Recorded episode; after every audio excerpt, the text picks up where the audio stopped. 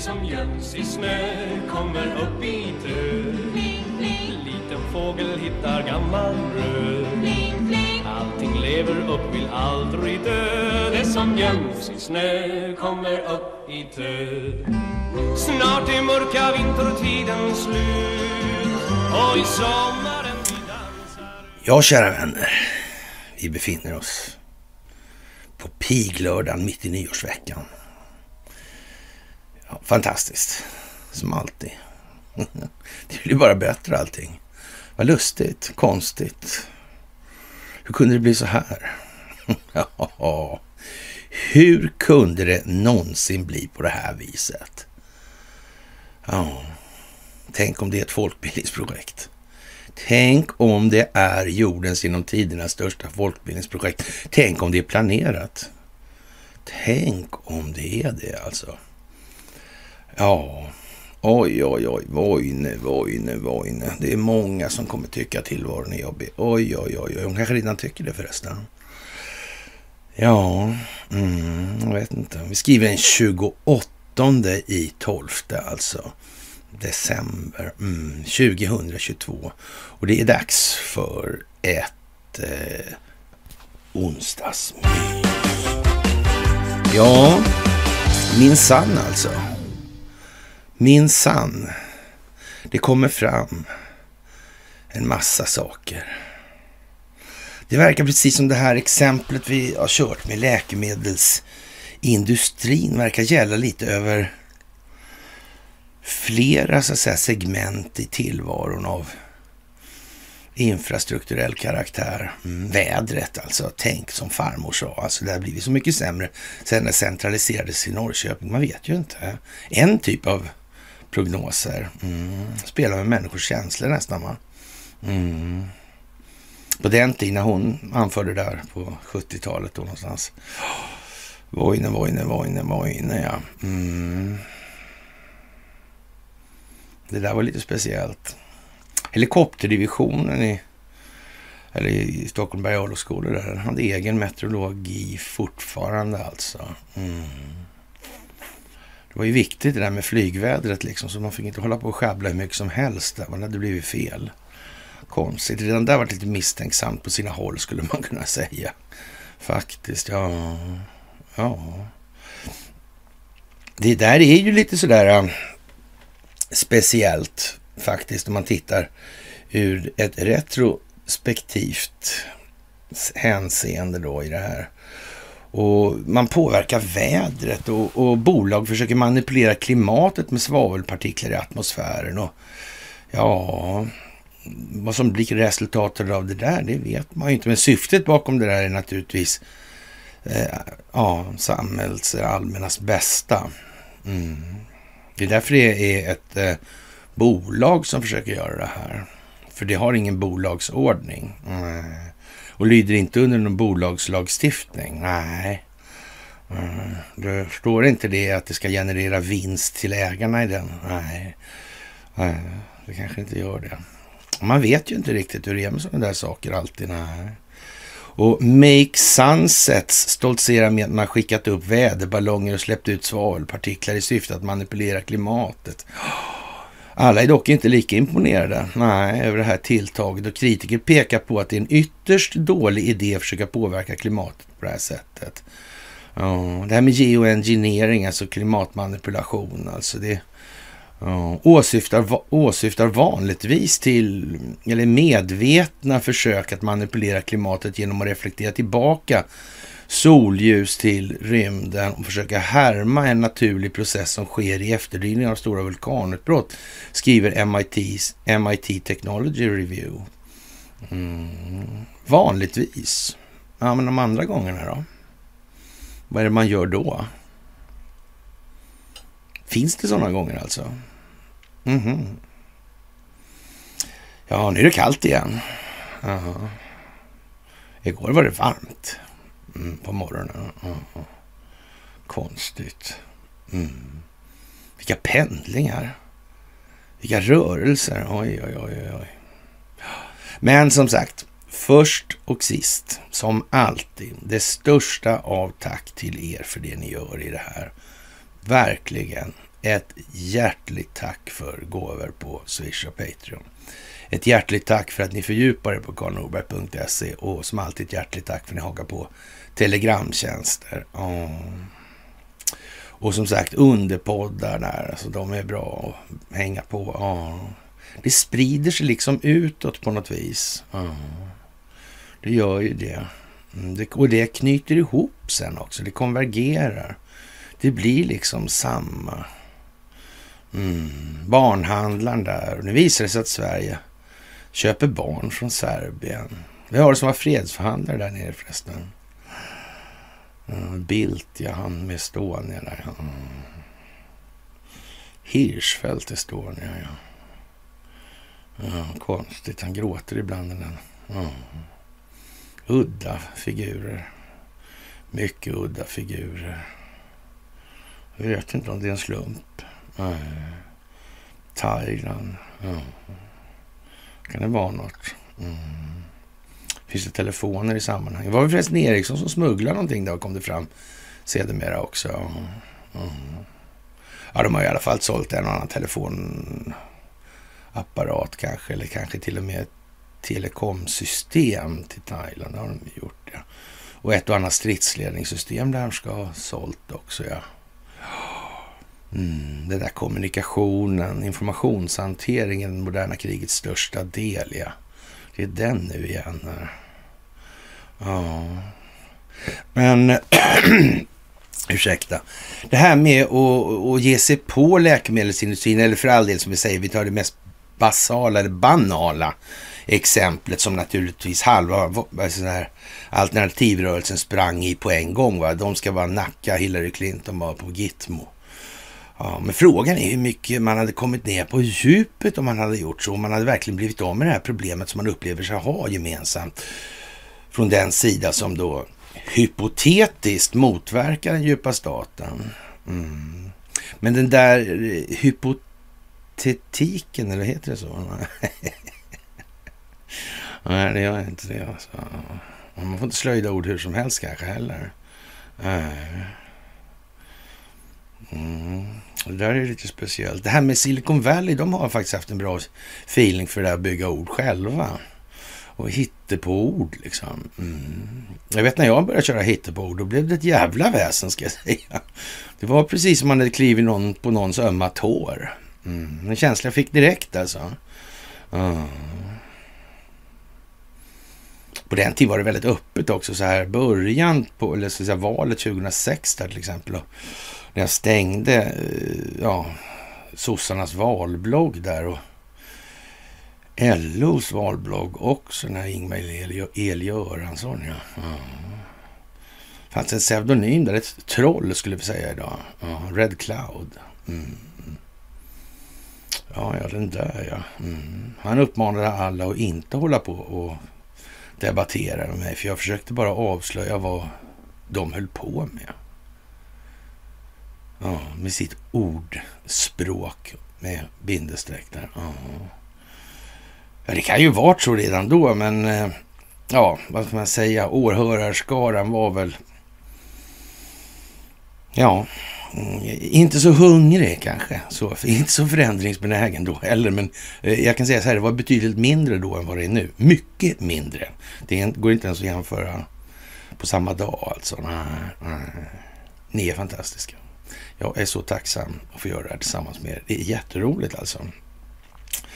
Ja, det här är ju eh, lite sådär när det kommer fram och det här med läkemedel då kommer, måste man ju nypa åt underrättelsetjänsterna samtidigt som man ser till då att eh, det här med ja, telekominfrastrukturen och det militärindustriella komplexet och så här och så vidare. Kraftförsörjningen. Det går ju liksom inte att strunta i, för då har de ju ändå muskler kvar att göra nu. Det här är ju inte så att de har låtit, ja, av rent sportsmannaskap, låtit någon annan handskas med de här funktionerna som kan förvärra situationen för dem själva. Det är så, så dumma är de inte alltså. Det har de tänkt på. Och därför måste det här ske i någon form av samstämmighet alltså. Mm. God jul, sa kungen till Ukraina. Precis som man inte visste då, som jag sa förra gången. När ukrainarna firar jul. Mm. Det var ju till och så noga poängterat att det fanns faktiskt folk som åtta stycken som skulle fira jul enligt vårt sätt att räkna tid på. Mm. De andra skulle nog fira den gamla julen och jag vet inte, jag såg någonting om att Vladimir Putin hade sagt att ja, det blev en bombfull jul eller hur var det? Mm. Lavrov sa någonting om att eh, ja, om inte de supporterländerna till Ukraina tar hand om det här med avnazifiering och neutralisering så kommer ryska reguljära förband och handlägga den frågan. Mm. Kan han ha menat? Mm. Samtidigt Taiwan där, One China. Mm. Konstigt. Det verkar gå liksom... Mm. Sen hörs det rykten om att kungen har sagt att i sådana här tillfällen så får man mycket större inflytande som kungen än vad man har annars. Jag vet inte. Han kanske har varit med om det här förr, vad vet jag. Det tror jag dock inte. Nej, det är ju mycket speciellt alltså. Ja. Brasilien också. Jag kommer tillbaka till Brasilien alldeles, alldeles strax. Mycket speciellt alltså. Man får nästan en känsla av att eh, det har varit i säck innan det kom i påse. Mm. Det går ju inte att ha hur stora sådana här uh, oroshärdar som helst. Det fungerar ju inte riktigt. Nej. Det blir lite tokigt då. Faktiskt. Mm. De här favelerna där, de verkar lite konstiga. Mm. Ukraina verkar konstigt hela landet. Mm. Konstigt där. Konstigt, konstigt, konstigt. Ja, det här är ju naturligtvis... Eh, ja, som det är och Make Sense har inga planer på att avbryta den här verksamheten. Tvärtom hoppas man locka investerare och skicka ut fler ballonger och större laster alltså. Vad vi vill göra är att skapa så mycket nedkylning så snabbt Eh, ja, som möjligt då på ett ansvarsfullt sätt. Då. Ja, och, och man hävdar då att eh, ja, man kommer släppa ut så mycket svavelpartiklar som kunderna betalar för. Skulle man kunna blanda i annat också för att åstadkomma fler effekter sådär lite i någon form av eh, synergiverkande syfte? Det är upp till vem som helst att hålla på med sånt där. Konstigt alltså. Mm. Luften är fri, luften är fri. Mm. Ja. Ja, ja. Ja, det vet man ju inte riktigt hur det där är. Mm. Och eh, Ryssland där, det har ju varit en lång historia det här med att Ryssland på något vis måste exploateras på ett sätt som kanske inte passar den ryska befolkningen så väl som man från västligt håll kanske önskar. Mm. Det är ju liksom hur man ska komma åt det här då. Hur ska man liksom få grepp på det här landet? Ja, det blir ju härska genom söndring alltså. Det, det måste ju bli på det viset. Alltså det innebär ju att det finns ju eh, en och annan eh, ryss då som har fallit i föga alltså för den här frestelsen. Om man byxat en del helt enkelt. Mm. Så är det ju alltså. Man kan nog inte eh, säga att det enbart är Vladimir Putins maktgalenhet och onda ögon som ligger till grund för utvecklingen. Nej, nej det går inte ens, ja vad ska man säga. Man tar Jenny Norberg idag i eh, Svenska Dagbladet. Och, ja, och skriva en artikel som är... Den är rätt långt söder om pinsam alltså. Åt helvete skulle jag säga alltså. Mm. Oj, oj, oj, oj, oj, oj. Vad har den stackars människan gjort för ont alltså? Mm. Det kan man idag förstå varför hon inte var så intresserad av att ta till sig det jag skrev under rätt lång tid till henne alltså. Jag tänkte ju någonstans att man kunde ju bearbeta de här journalisterna och, och tro mig, det har jag gjort alltså.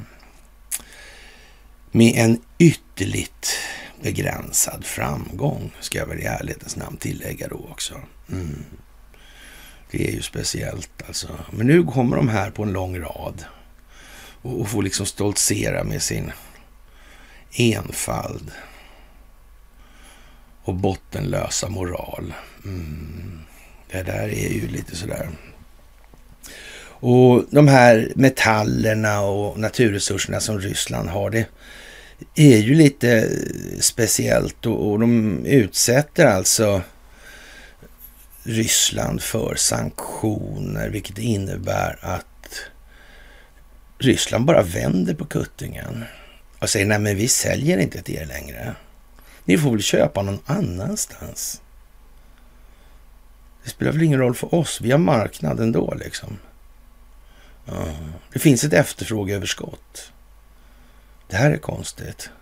Ja. Det är konstigt. Mm. Blir det deflation då? Eller hur blir det? Det stämmer inte riktigt med resonemangen inom ekonomisk teoribildning. Där. Nej, det gör ju inte det. Mm. Inflation. De där orden liksom. Mm.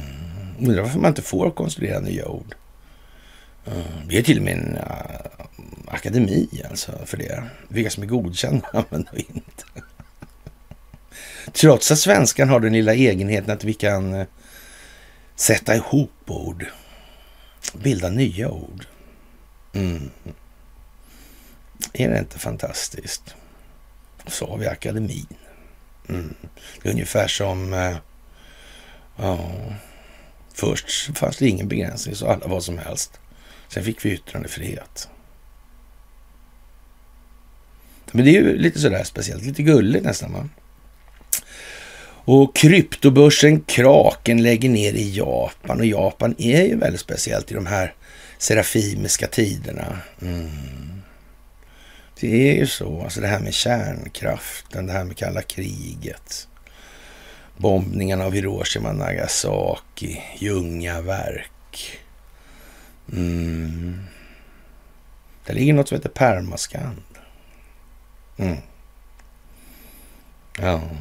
Det hade Gestapo hade ju kontor där också förresten på Ljungaverken. Just det, det var så det var. Och sen den här gummifabriken som gick i luften. Den som gjorde membran till förgaser till flygplan. Mm.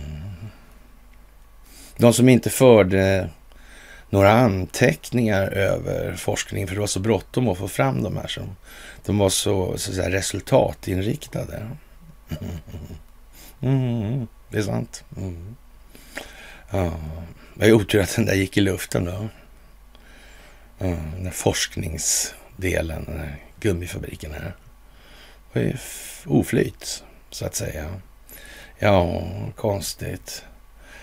En av världens största kryptobörser, den här i Japan, som lägger ner nu. Mm. Kan det ha något att göra med att det här valutafinansiella systemet inte är riktigt i den form som man har velat ge sken av? Kan det vara så? Det kan ju vara det. Är det många som tar upp det här fortfarande? Mm. Eller alla kan det där nu? Mm. Jag vet inte.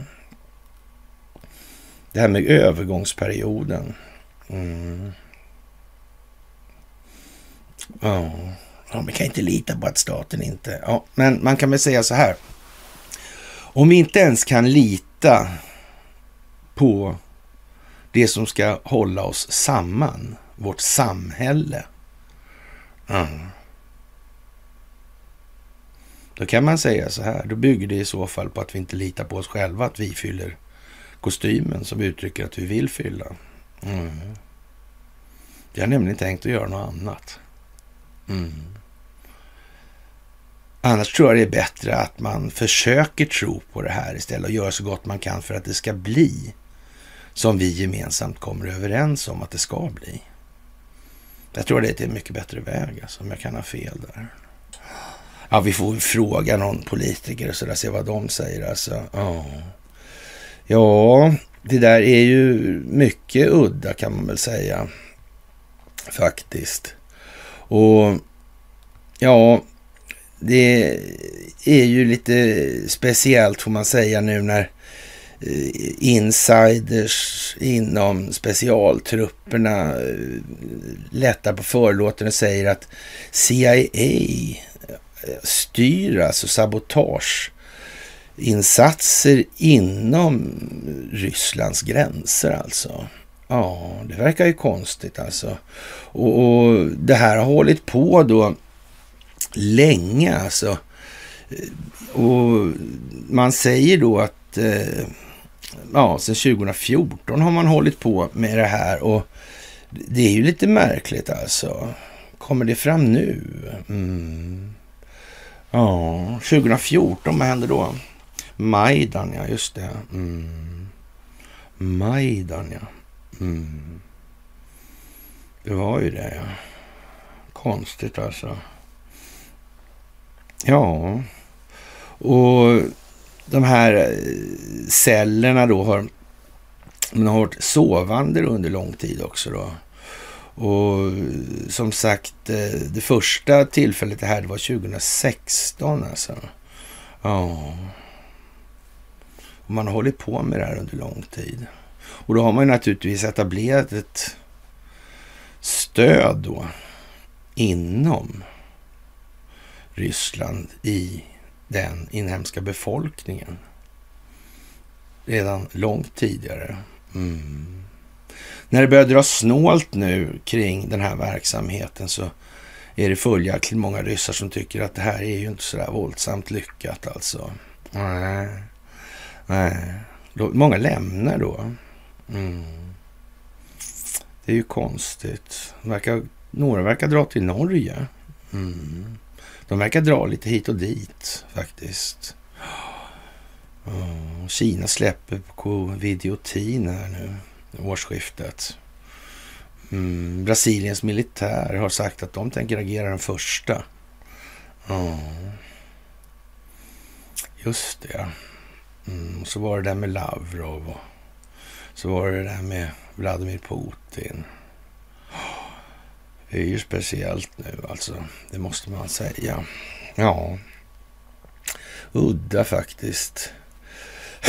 ja, och det här med att Ryssland och Kina är strategiska partners.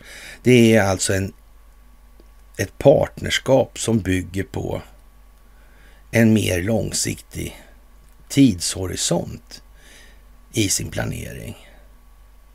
Är det skitsvårt att förstå? Ja, tydligen är det det. Tydligen är det det alltså. Ja ja, vi får väl se hur långt det behöver gå. Donald Trump han säger ju att han kan lösa den här konflikten i Ukraina på ett dygn. Hur kan han vara så säker på det? Han måste ju ha väldigt avgörande argument. Mm.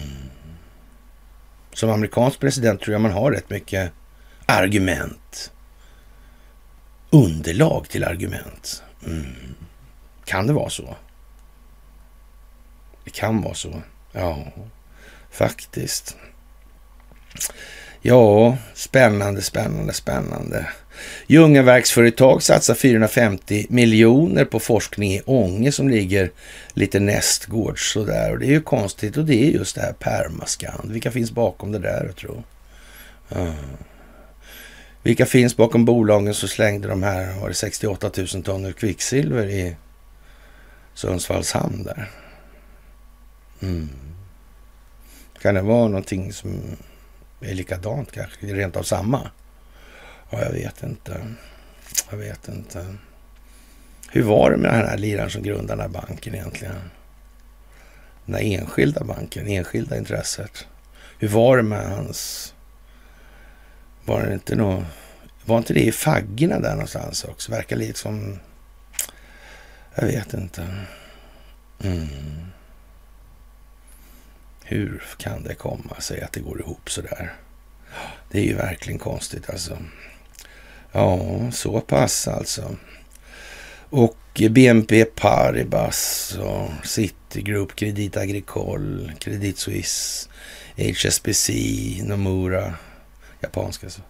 Royal Bank of Canada och Toronto Dominion Bank. Mm. SEB. Mm. Hur är det med minsta gemensamma nämnaren här i världen egentligen? Är det Klaus Schwab och hans farsa? Man blir ju lite deprimerad när, när folk håller på med det där nu. Alltså tycker ju det är... Det, när man kan googla på första slagningen och hitta att Schwabens farsa var underrättelselirare i, inom nazismen. Ja.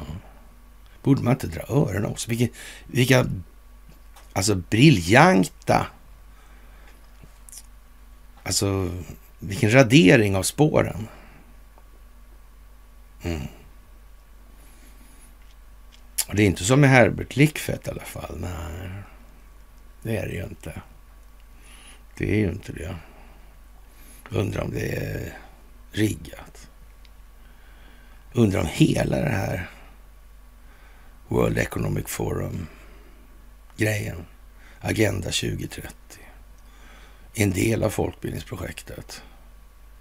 Eller fattar de kanske inte det där att det bästa är att kontrollera båda sidor om man vill garantera vinster. Det kanske inte de fattar, de som motverkar på staten. Jag vet inte. Det är svårt att veta naturligtvis. För det handlar ju någonstans om att skaffa en varaktig förändring. Mm. Det är ju det alltså. Då kanske man borde ha tänkt på det i så fall.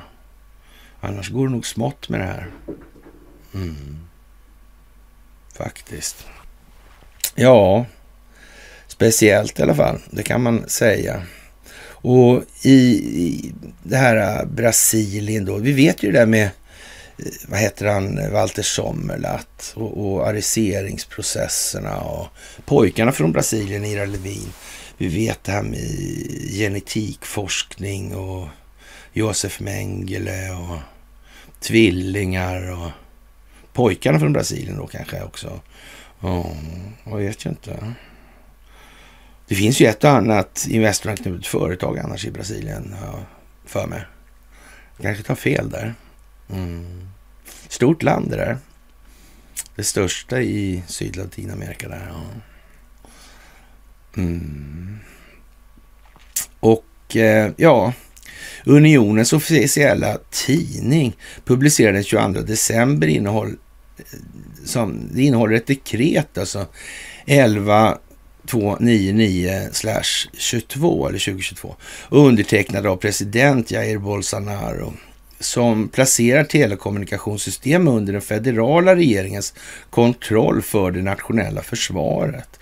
Dekretet tillåter delning av passiva och aktiva infrastrukturer med andra nätverk och fastställer att eh, Ariatel, eller Anatel heter det, kommer att utfärda tillstånd för utnyttjande av telekommunikationstjänster som är lämpliga till de olika användningarna av mobilnätsegmentet i den federala offentliga förvaltningens privata kommunikationsnät samt tillstånd som avser användning och radiofrekvenser. Då. Och det här är ju lite konstigt alltså. Ja, det där är ju väldigt konstigt. Och primärt så eh, används det här då, de här radiofrekvensbanden då som utsätts då i att användas då för att utföra allmän säkerhetsverksamhet, försvar, bistånd och räddningstjänst, katastrofinsatser och andra kritiska statliga attribut, inklusive det som utförs av federativa enheter för att tillhandahålla federala tjänster och offentliga organ, särskilt det som föreskrivs i meddelandet om radiofrekvensbud. Då. Ja, vad är det här egentligen? Det låter ju som att någon lägger fingrarna lite grann på det här med telekominfrastrukturen. Mm. Det kanske inte ska vara då i enskilda vinstmaximeringsintressens regi längre. Kan det vara så? Mm. Det kan ju vara så. Och det här sitter ju djupt alltså. Riktigt djupt. Mm. Det här är ju ända bak på 30-talet och sånt. Det säger ju Walter själv, Sommerlath. Eller sa. Mm. Så nog har det hållits på. Mm. Det har ju det. Ja, och Investoranknytningen är, ja, den är ju som den är alltså. Och uppenbarligen har ju då man i Brasilien förstått någonting. Det verkar konstigt med det här valet. Man har satt ett datum när man ska inter eller intervenera från militärens sida. Man pratar om likartade brister som det amerikanska valet. Mm.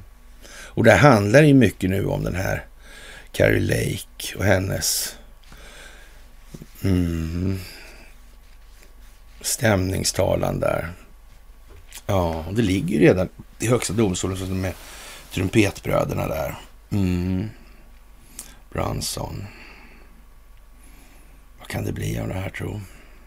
Tänk om det är planerat. Och hur högt behöver det gå har vi skrivit då, eller jag skrivit då egentligen. Mm. Det kan man fråga sig. Det kan man fråga sig. Behöver det gå ända till topp? Inte nödvändigtvis, men är det det som krävs så är det det som krävs. Jag har en känsla av att det beror lite grann på hur opinionsbildningsklimatet utvecklas. Jag tror att det har med det att göra faktiskt. Mm. Och det kan gå oerhört fort nu som ni själva märker. Det är ju inte småsaker, det här direkt alltså. Mm. Från Ericssons sida borde man ju vara lite på hugget i det här sammanhanget och, och, och redo. Aktieägarna måste ju bli oroliga när det här dyker upp, eller? Borde de inte bli det?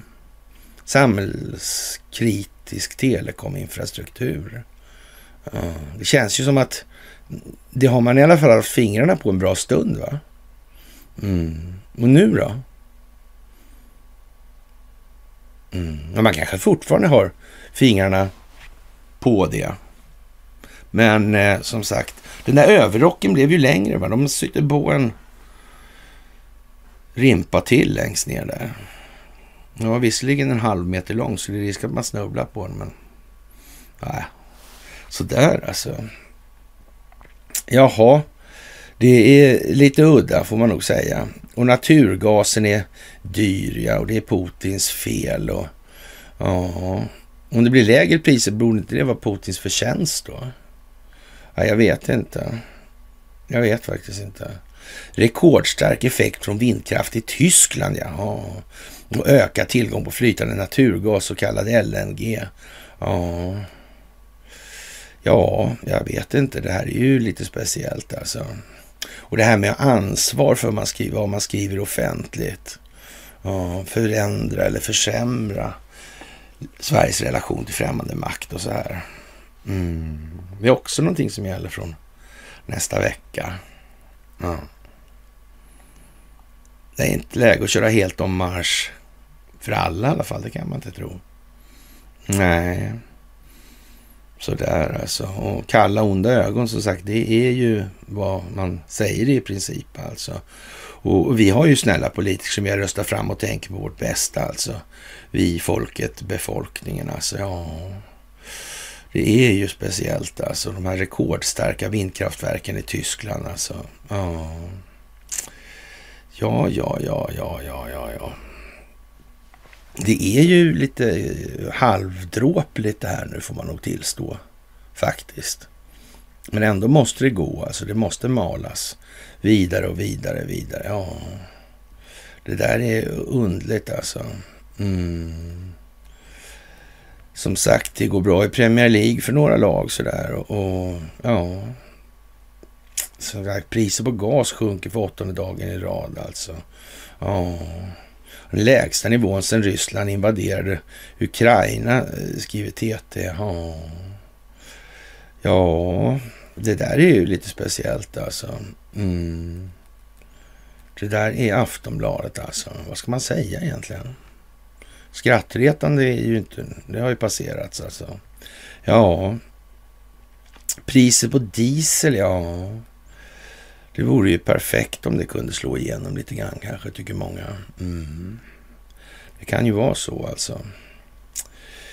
Ja, det här med censuren alltså. Och, och ja, och amerikanska underrättelsetjänster som agerat i det sammanhanget. Det visar sig ju nu att de har haft folk anställda på Twitter och det tror väl fan eftersom det är de som har grundat de här verksamheterna. Ja, De har aldrig varit det vi har trott att de har varit. Även om vi kanske möjligtvis har varit lite misstänksamma under ganska lång tid alltså och kanske någonstans förstod att de här samlade in en oherrans massa data, alltså geospatial data. De största insamlingsplattformarna, det är de här techjättarna. Ja. Mm. Det är klart det är effektivt. Det är mycket effektivt. Ja. Och tänk att man inte kom på det från den sida som motverkar den djupa staten. Att man måste ha kontroll på de här. Mm. Det går ju inte att någon annan sitter på spakarna då. Nej. Och man måste få dem att vara lugna, trygga och säkra för att exponera dem för vad de har gjort i det här. Så måste man också göra. Helt jävla säkert alltså. Ja.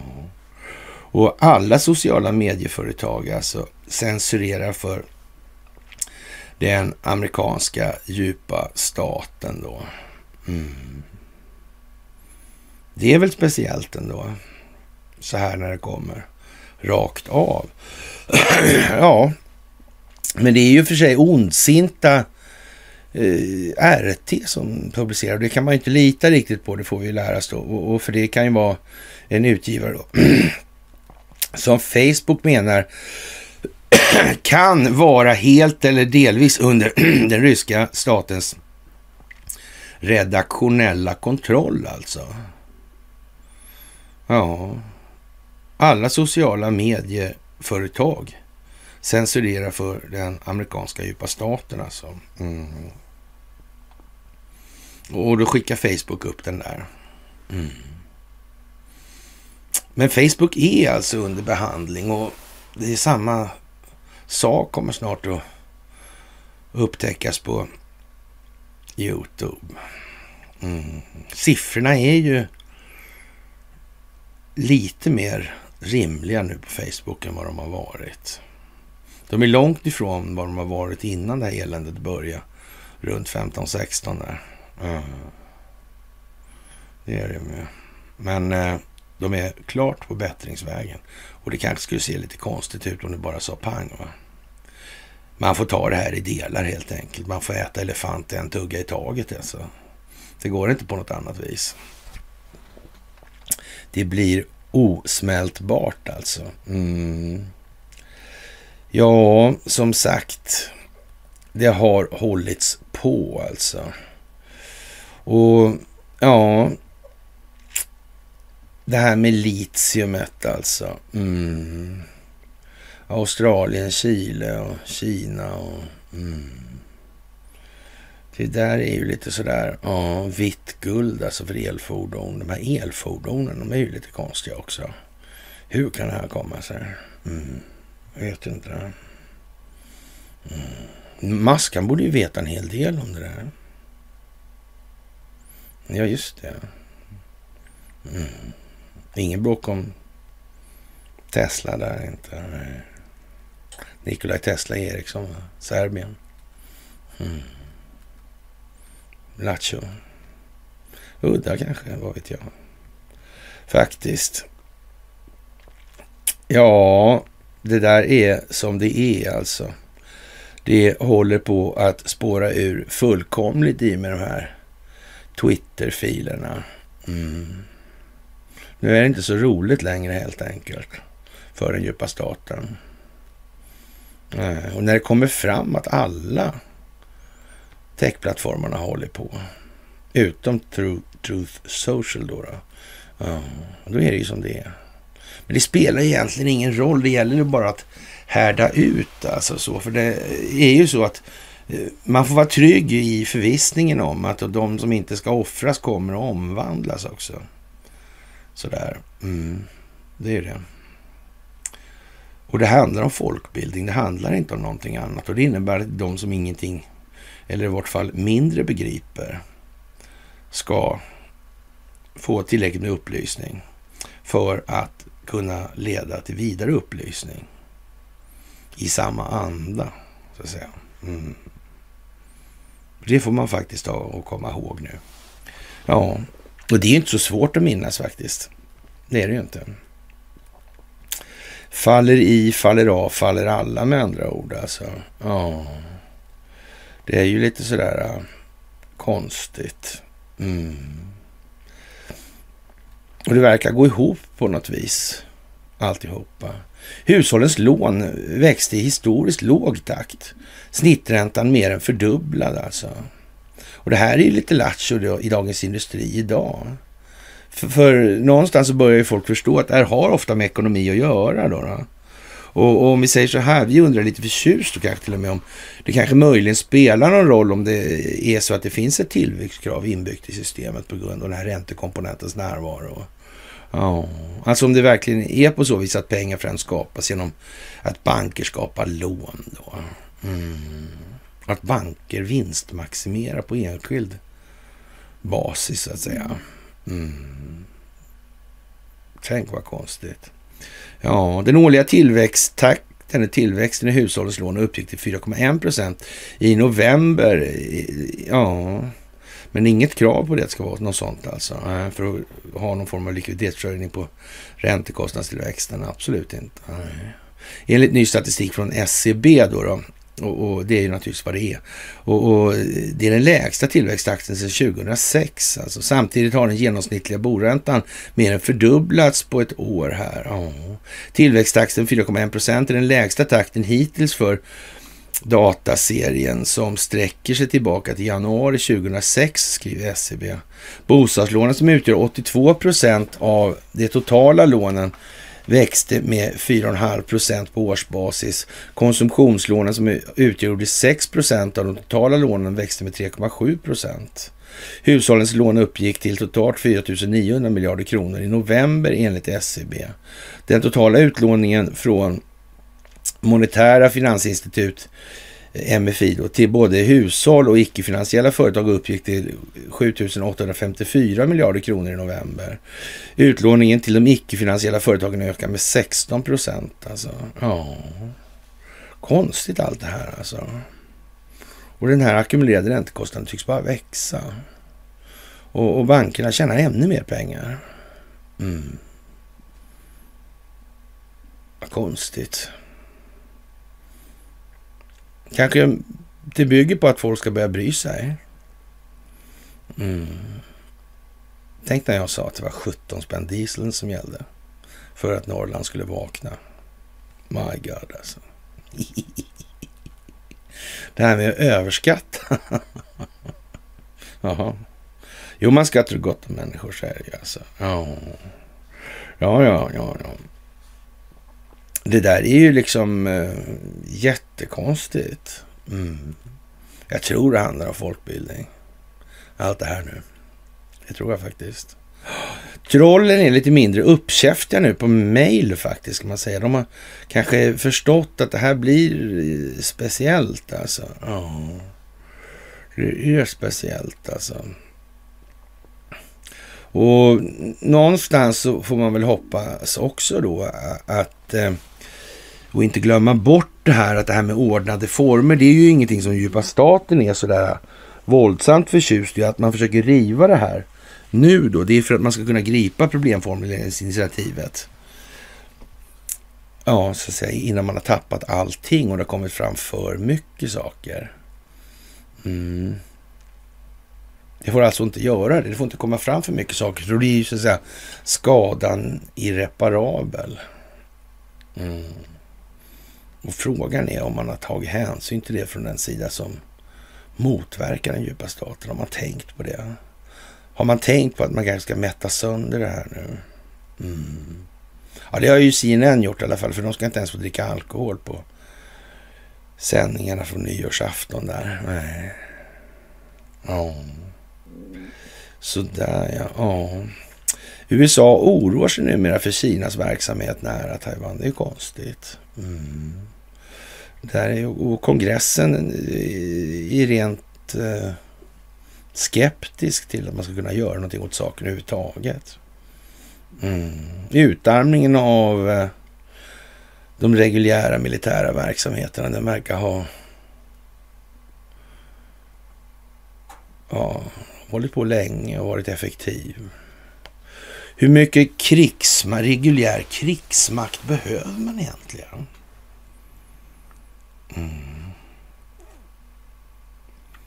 Man skulle kunna tänka sig att ett samfund hade den enda. Ungefär som när Vladimir Putin tyckte att men vi kan ju gå med i NATO. Ryssland kan ju gå med i NATO. Vad märkligt, det var ingen som var intresserad av det.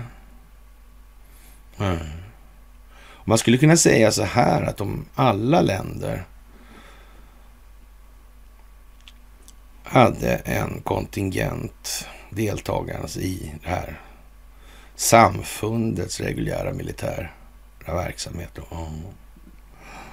Då skulle inte de här legoknäckt-historierna bli så särskilt långlivade.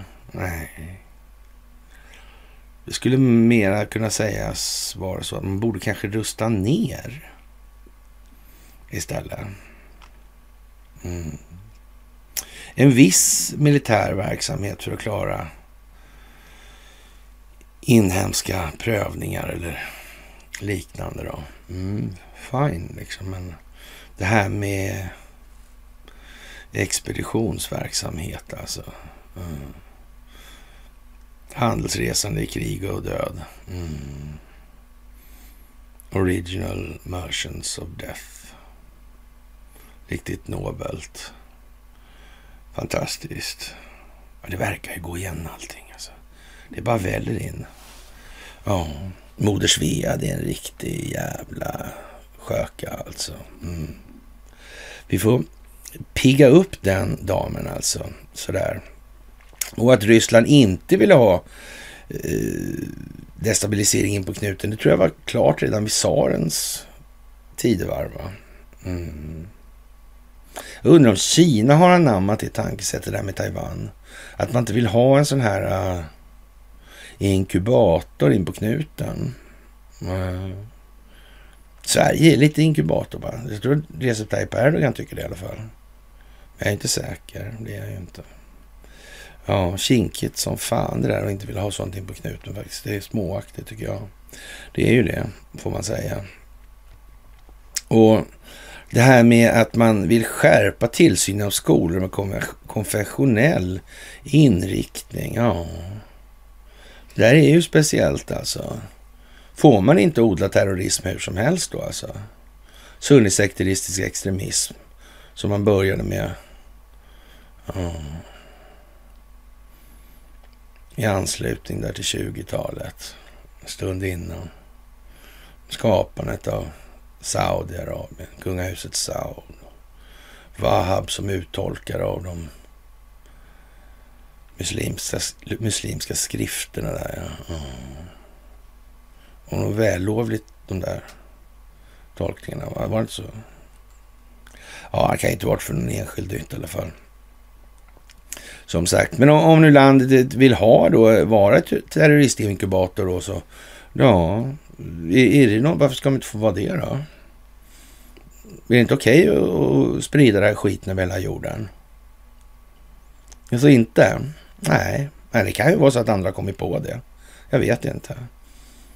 Mm. De här, det här gänget kanske har spridit andra sådana här, ja, och vi ska, vad vi ska kalla det för vet jag inte exakt, men, men eh, de kanske har spridit andra sådana här tankegods som inte har varit så helt lyckade för mänskligheten ur alla perspektiv.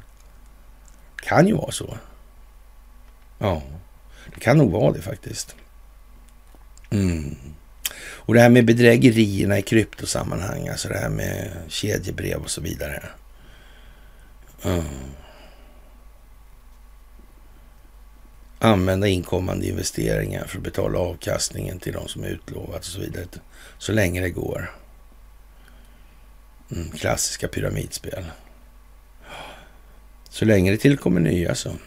Ja, det där är ju lite eh, i schatteringen otroligt faktiskt.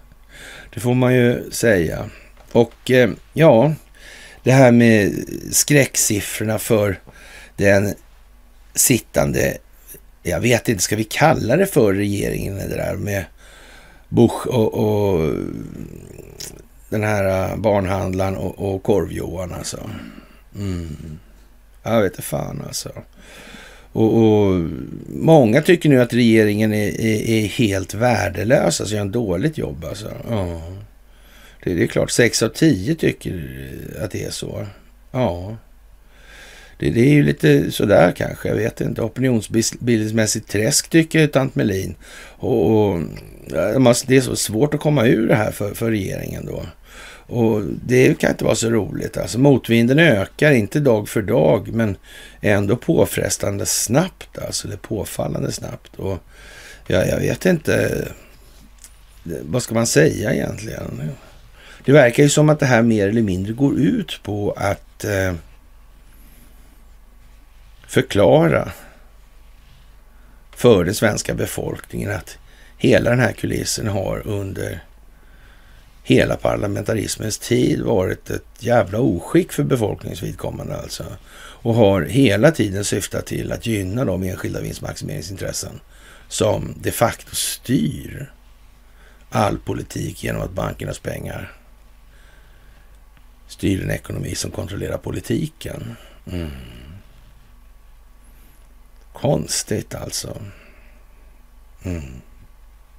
Men om man tittar bakom mig här uppe om en här nu står det väl 130 år på men när jag läste den på 80-talet på universitetet där så var det 100 år då. då. Och eh, ja, den här eh, Levin då. Mm. Det står inte så mycket om det här med pengarna det här, det gör inte, utan det är mera ja, speciellt alltså speciellt de här som har skrivit. Det har de ju inte gjort, men de har författat då kanske. Enligt direktiv då. Mm. Det där är lite udda, får man säga. Det får man säga. Och jag vet inte egentligen hur man ska se på det här. Det, ja, regeringen skakas inte av några skandaler i och för sig, men, men förklaringen till att många tycker att regeringen är så jävla värdelös måste istället sökas bland de många brustna vallöftena. Så det blev ingen sänkt skatt för låg och medelinkomsttagare. Det blev ingen sänkt skatt på ISK-sparande. Priserna på bensin och diesel sänktes inte med upp till 10 kronor vid pumpen. Det blev inget högkostnadsskydd för elpriset. Det är elstöd som istället ser ut att bli betalades inte ut i god tid före jul. Men, men kanske i, i, februari alltså. Mm. Ja, jag vet inte. Men det kanske behövs mer alltså. Och det gör det ju naturligtvis. Men det kommer nog gå fort nu den här veckan också. Så ja, som sagt, det kommer att bli en oerhört intressant tid som kommer nu.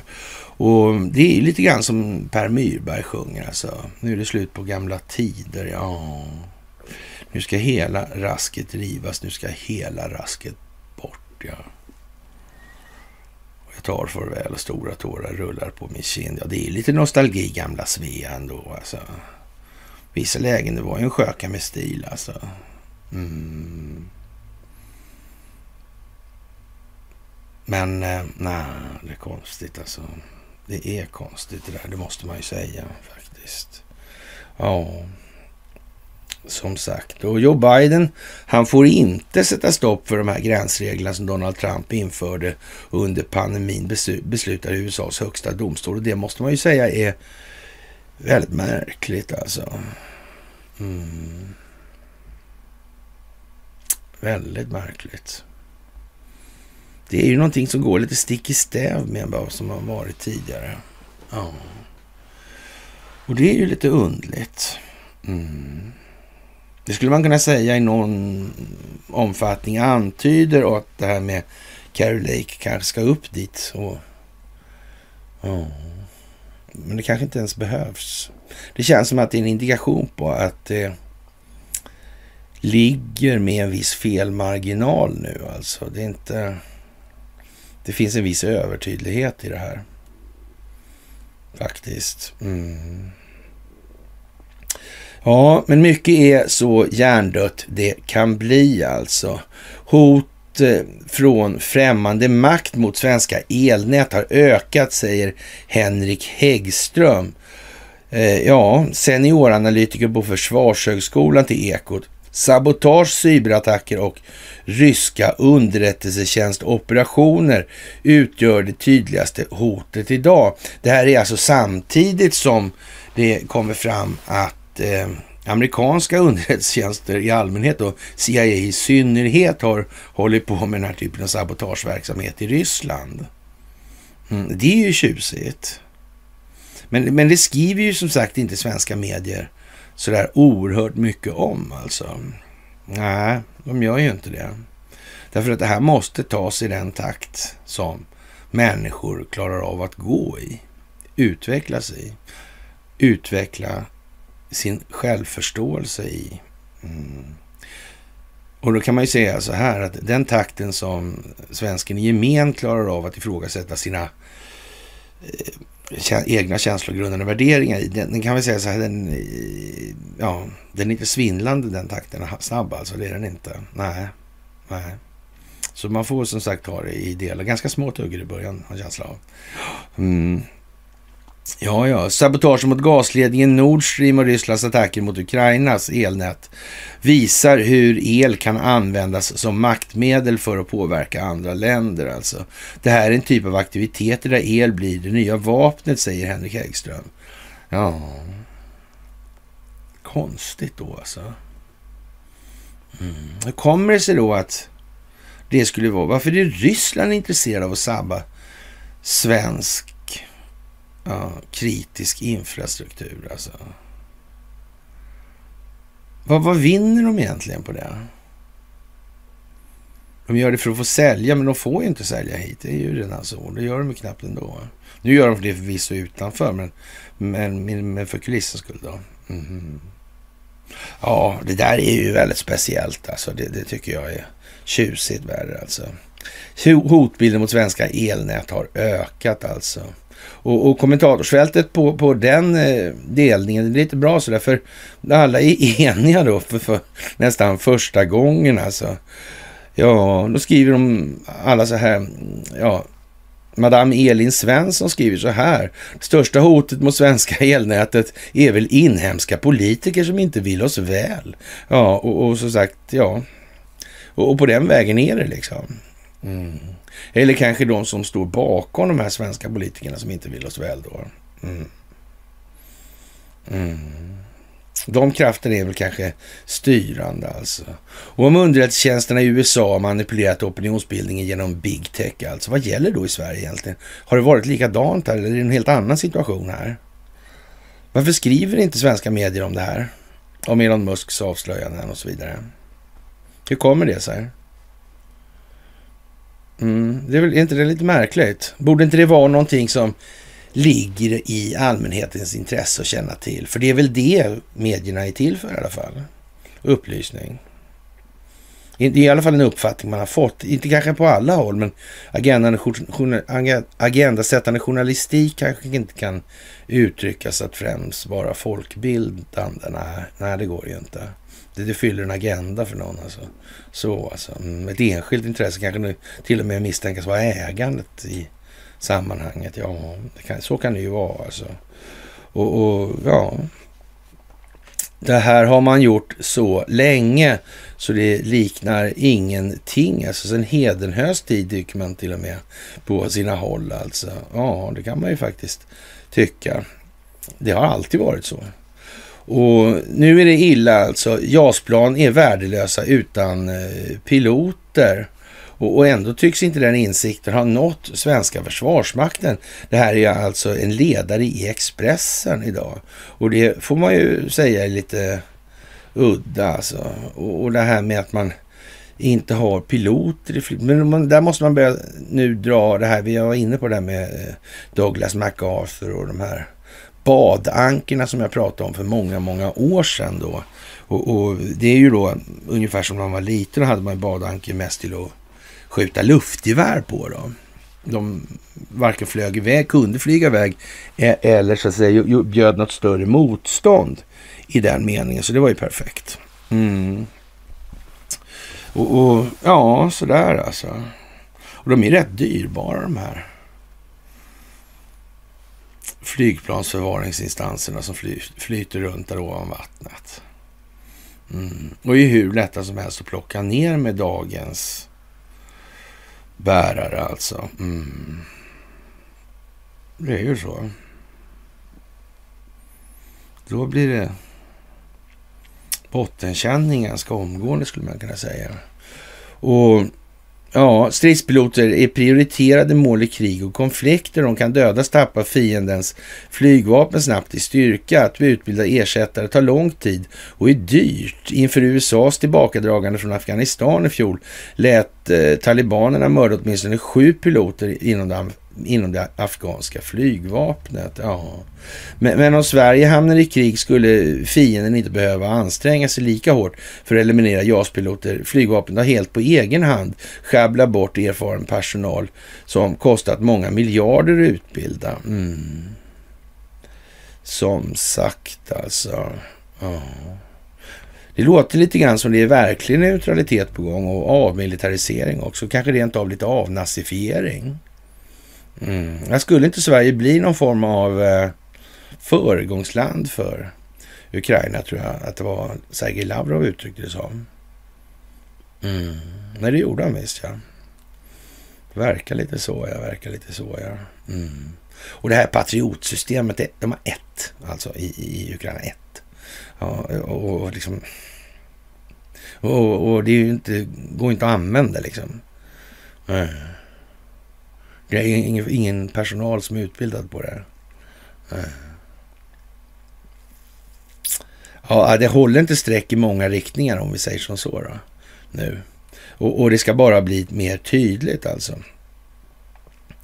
Och det är klart att de här eh, ädla eh, flygargossarna då som, som med sin höga moral då främst är i branschen för att tjäna pengar alltså. Och, och det är ju klart att om man då så att säga kan köpa dem istället, då är det ju inte så dåligt där. Nej, det är nog risk att det blir lite sånt då. Mm. Och halva gänget skulle dessutom ta betalningen i falska, med, med eller fa, falska sedlar också om de fick det. Mm. Dubbla beloppet eller något sånt där. Det är bara en fråga om pris alltså. Ja. ja. Är man ändå på banan så är man ju det. Mm. Jag vet inte om det där är den moraliska disposition som ska verka ledande för folk som ska försvara landet. Alltså. Men mot vad då kan man ju ställa sig frågan då i så fall. Ja, det är ju en motiverad fråga. Vad är det man ska försvara det mot för någonting? Alltså. Mm. Ja, det vet vi ju som kalla kriget och vi vet ju också rysshärjningarna och vi vet ju det där liksom. Vi vet ju det. Mm. Fast vi vet lite mer idag än vad vi visste förr. Mm. Och det är skillnaden alltså. Det handlar om informationshanteringen, det är ju bara så. Jaha, och eh, flygvapnet eh, var frågat av de här pensionsavgångarna tidigare och ja, tidpunkten alltså för det här är sämsta tänkbara när Sverige står på tröskeln till NATO och, och, och, snart kan förväntas hjälpa till att värna även de baltiska luftrummen. Det verkar ju jättedåligt alltså. Ja. Och, och nu måste då eh, Försvarsmaktens ledning se till att betala konkurrenskraftiga löner. Annars blir det, ja, den här snåla personalpolitiken ett hot mot Sveriges säkerhet. Ja. Vem är det som är ett hot mot Sveriges säkerhet? Är det samma kanske som det här med energin kanske? Eller det med, för där tror jag väl att det är enskilda vinstmaximeringsintressen så, som i någon mån verkar ledande som jag ställer till den här situationen. Har jag förstått någonting fel här? Det här med att man måste hålla en ja, 70 i leveranskapacitet disponibel för EU där. Mm. Då innebär att vi får tillbaka vår el då, som vi har skickat ut, fast då får vi en annan prislapp på den. Lite grann som den här säcken ni vet då, med produktions och konsumtions och psh, psh, psh, sådär. Mm. Det kan ju vara så, faktiskt. Mm. Ja, är det inte tjusigt så säg alltså. Jaha, och vidare kan man väl säga att Kadhammar är ju en sån här som vi har eh, ja, stött och, och blött och under, och det skulle ju bli en intervju, men hade han en jävla otur där faktiskt, Kadhammar, det måste man ju säga. Att det blev liksom någonstans, han fick ett rätt så kraftigt fel, så eh, att ta in honom och, och köra in en intervju med mig då, det hade ju så att säga inte blivit så där jävla bra va. Det var fel tid då. Och så. Mm. Mm, Köra som Agård gjorde där, det var inte läge längre då.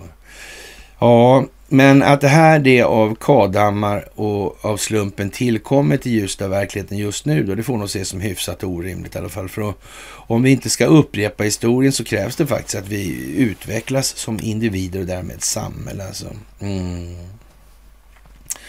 Och, och Kadhammar drar här eh, en historisk exposé då över ja, kända sådana här eh, liberalt sinnade skribenter då kände på 30-talet när fascisterna härskade i Italien, nazisterna hade infört sitt skräckvälde i Tyskland och Japan krigade i Kina och Stalin rensa ut gamla partikamrater i skådeprocessen. Jag tror vi ska börja från början här. Så att säga. Italien alltså, jag vet inte, det är den här, möjligtvis den här Volpi de Mosarata va? Ja. Och, och, han var väl polare med den där Bernardino Nogara har jag för mig i alla fall. Och han var väl någon jävla lirare där. Tror, var det inte Vatikanens stålar och sånt där också där? Ja. Jag tror det var det faktiskt. Mm. Och eh, gamle Volpi där tillsatte ju Benito där och, och, då hade ju liksom telefonerna redan varit där en stund. Alltså de firar ju 100 år 18 alltså. Ja. Det här, där har de ju ändrat lite med det här, men det får man ju göra. Så det är inte så kinkigt alltså. Och så var det ju det där med, med huruvida eh, Adolf Hitler kände till IG Farber, men jag tror det finns ett brev där från Hjalmar Schacht då alltså. Mm och de här intressena. Om inte annat så finns ju Krupps utsagor där om uh, fältartilleri va? Uh, från 19 där. Mm, just det, så var det ja. Mm. Och, och sen var det väl det här med de här kommittéerna där, tror jag det var. Var det 16 kommittéer han satt i? Marcus Laurentius Wallenberg. Mm. Det var ju lite konstigt. Mm. Jag kände de, de här två sen OSS-lirarna, eller OSS-liraren och hans brorsa där som blev utrikesminister. Jag tror det var så. va? Ah. Det var ju lite sånt. Sådär alltså. Men det är Kadhammar, han, eh, ja som sagt, han öppnar ju upp här lite på ett hyggligt vis alltså. Och, och det måste ha varit svårt att behålla tron på framtiden, säger han på den tiden alltså. Och, och den store tyske journalisten eh, Kurt eh, Tucholsky eh, fick fristad i Sverige, men han orkade inte fortsätta kämpa så han tog sitt liv och ligger begravd i Mariefred. Ja, och världen av igår får ett lätt romantiskt skimmer. Bertolt Brecht bodde ett tag på Lidingön, skrev de i svenska. Jag rättade till Lidingö, men jag vet inte där om det inte var så att det kanske ska stå Lidingön där. Faktiskt. Jag har funderat lite på det där. Mm. Och Willy Brandt, han bodde på Hammar, Hammarbyhöjden. Ja. Och de här fantastiska författarna, konstnärerna och politikerna som spreds ut över världen på flykt undan den europeisk, det europeiska barbariet.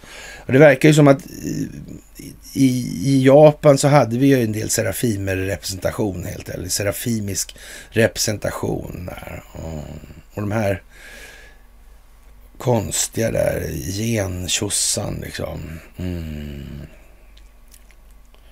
Ja, för det var väl lite sån där rasbiologisk grej. Det fick väl till och med han den här ja, Ola Larsmo va? Mm. Han blockade Stensö hörde jag här igår tror jag. Mm, utan anledning. Men det var väl inte Stensös fel att Larsmo skrev att eh, Retzius var i farten redan på 1840-talet. Men vi, vi är inte riktigt säkra på hur, hans förklaring sen att det här kom till Sverige från USA via Tyskland. 20 år senare. Inte riktigt säkra på hur det går till liksom, riktigt. Uh, och, och Stensö fick eh, ja, han fick epitetet troll där också. Det var ju konstigt. Mm. Jag undrar vad han har gjort den här Lars Mo. Ja, det undrar jag alltså. Han verkar ha gjort något dåligt i alla fall tror jag. Ja, faktiskt. Det verkar lite så. Ja, det där är ju jättekonstigt faktiskt. Och Eh, att läsa om och av den tidens stora skribenter ger en dubbel känsla. Dessa lysande berättelser om dessa ohyggliga tragedier. Anna Seger skrev en av århundradets viktigaste romaner i exilen i USA, Det sjunde korset. Det fick en enorm betydelse för opinionsbildningen mot nazisterna och förståelsen för varför kriget måste utkämpas ända till slutet. Ja, men, men jag vet inte om han glömmer bort det där att det här med nazismen kanske inte riktigt är vad det har beskrivits som. Ah. Alltså, det är inte ofta man ser det där med, med Hjalmar Schacht och, och mm, You're becoming chancellor och det här. Va? Mm. Och, och, man hör väl inte talas om i svenska medier så ofta om den statsoffentliga utredningar 99 kolon 20 där och, och sidan 194 till 197. Alltså förvärvet av Warburgbanken och de här grejerna. Mm. Det är märkligt det där. Märkligt. Boschaffären. Mm. Underrättelsetjänstkollektivet Reinhard Gehlen. Ja, paperclip. Mm. Kryptograf. Mm. Estonia. Tänk vad konstigt. Ja. Mycket, mycket märkligt. Mycket, mycket märkligt alltså. Mm. Ja, det där är fantastiskt faktiskt. Och eh, ja, det här... Eh, när blir det tid då egentligen att liksom eh, göra någonting och tycka till här? Och, och ja, den frågan hängde över en generation på 30-talet och den hänger över oss också då. Precis som på 30-talet har kriget startat i etapper för den som vill se var det uppenbart redan 2014. Var det någonting med eh, etableringen av CIAs verksamhet i Ryssland då kanske? Och, och förmodligen var inte det ens helt sant. Va? Jag skulle vilja påstå att CIA etablerade sig i Ryssland i samband med eh, ryska revolutionen. I alla fall dess föregångare underrättelsetjänsterna. Och jag kan säga att eh, det är helt osannolikt att inte Sverige tog tag i den frågan då alltså. Man hade ju ändå Lenin på resa och sådär. Och Sen är inte jag säker på att, att eh, Josef Stalin litar så där in i helvete på svenskar alltså. Han sa ju någonting om det här med eh, Ja, hur var det med Raoul Wallenbergs pappa? Han sa någonting i stil med att de får ni inte, alltså, för de ska vi använda eh, i utpressningssyfte mot de eh, intressen i Sverige, alltså hans släkt, alltså, ja, som har eh, mm, samarbetat med nazisterna sedan långt före 1938. Jag, jag, tror inte han var liksom riktigt kommunikativ i den delen. Eh, han behövde dö helt enkelt. Mm. Det gjorde han 53 och då tog kalla kriget jättefart. Man satte kulissen innan här på något vis. Alltså. Ja, det där är speciellt alltså. Och ja, vad kunde man ha gjort annorlunda på den tiden? Alltså? Det är en diskussion som pågått sedan andra världskriget. Alltså. Vad kan vi göra annorlunda nu? Ja? Ännu finns tid att hindra barbariet från att sprida sig. Ja, ännu finns tro på framtiden. Ja, man kan ju säga så här. Nu finns det en jävla tro på framtiden. Mycket större tro på framtiden än vad någonsin har funnits tidigare. Av den enkla anledningen att nu är den tron på framtiden mer grundad på förutsättningarna i verkligheten än på rosa fluffiga illusioner. Mm. Och, och jag, jag, är lite grann, så, lite grann på, på den bogen också, att det är svårt att liksom riktigt eh, ja, vara förbannad på Kadhammar eller Jenny Norberg då i de här sammanhangen. Och så måste ju sitta för jävla illa till helt enkelt. Mm. Så. Mm. Jag har ju snackat med, med Kadhammar på telefon någon gång sådär så att eh, jag är inte riktigt säker på det här med, med Ja,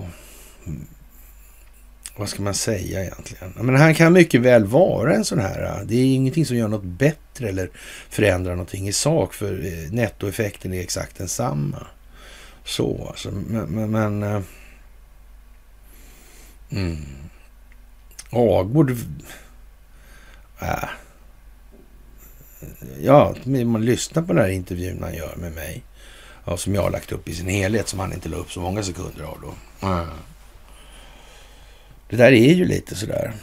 Så där lät det, det här med Lehmann också när jag gjorde den med Expo en gång till. Då låter det också sådär. Och det var ju många år sedan. Det kanske var, inte fan ja, 16 kanske.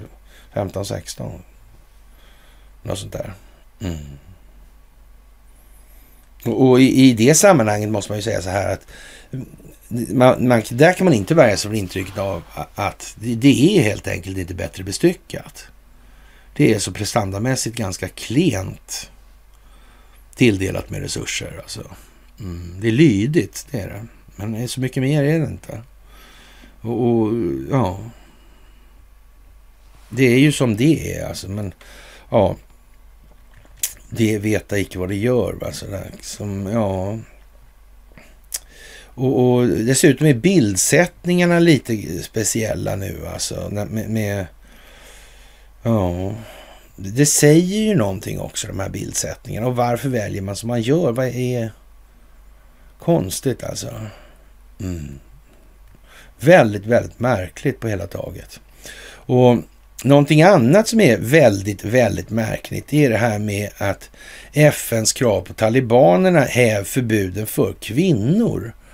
Och, och, Det där är ju lite speciellt och jag tror vi alla kan vara överens om att det här med att dra ut kvinnor på arbetsmarknaden som man gjorde mer eller mindre med våld alltså. Mm. Det här med att kvinnor fick egen ekonomi och gjorde att några började öppna bank direkt, eller rättare sagt de bäddade för det och, och, och sen öppnade de bank då. Mm. Ja, när kvinnor fick egen ekonomi. Men samma gäng då som fortfarande sitter i topp på den finansiella näringskedjan i det här landet. De hade liksom inga tankar på att gynnas av det här själva, utan det var deras stillsamma, ja, humanistiska patriotism mm, som gjorde det. Eller också var det ju inte det. Nej, det var ju det ena eller det andra där, ja. Ja, konstigt alltså. Det här med kärnfamiljen som måste spräckas till varje. Det är ju asviktigt att inte människor i allmänhet har klart för sig, alltså ens relationsmässig fundamenta. Mm. Det är ju konstigt alltså. Mm. Nej, nu kommer träningen in i, i tidningarna istället. Nu är det hur man ska träna i olika sammanhang. Och det kan man ju säga så här att neuromuskulär intelligens, det är i alla fall ingenting som... Ja, det hamnar inte i tidningarna för bra länge om man säger som så. När vi väl kommer dit så kanske ska engagera mer den frågan, men, men inte tills dess som ska hålla på så här, då, ja. Nej. Ja, ja. Men det här verkar vara en folkbildningsuppgift av närmast religiösa proportioner alltså. Och, och hyfsat avlägsen också kan man väl säga det här. För, för det man säger egentligen så här eh, nu här från talibanhåll då. Eh, ja, det är ju då att kvinnor är mer lättmutade helt enkelt och mer filosofiskt materialistiskt orienterade och därför måste skyddas då. Det är vad man säger. Och, och, men det kanske inte är så att vi ska ha den här konkurrensen mellan män och kvinnor på det viset. Det kanske aldrig var meningen på något vis från naturens sida.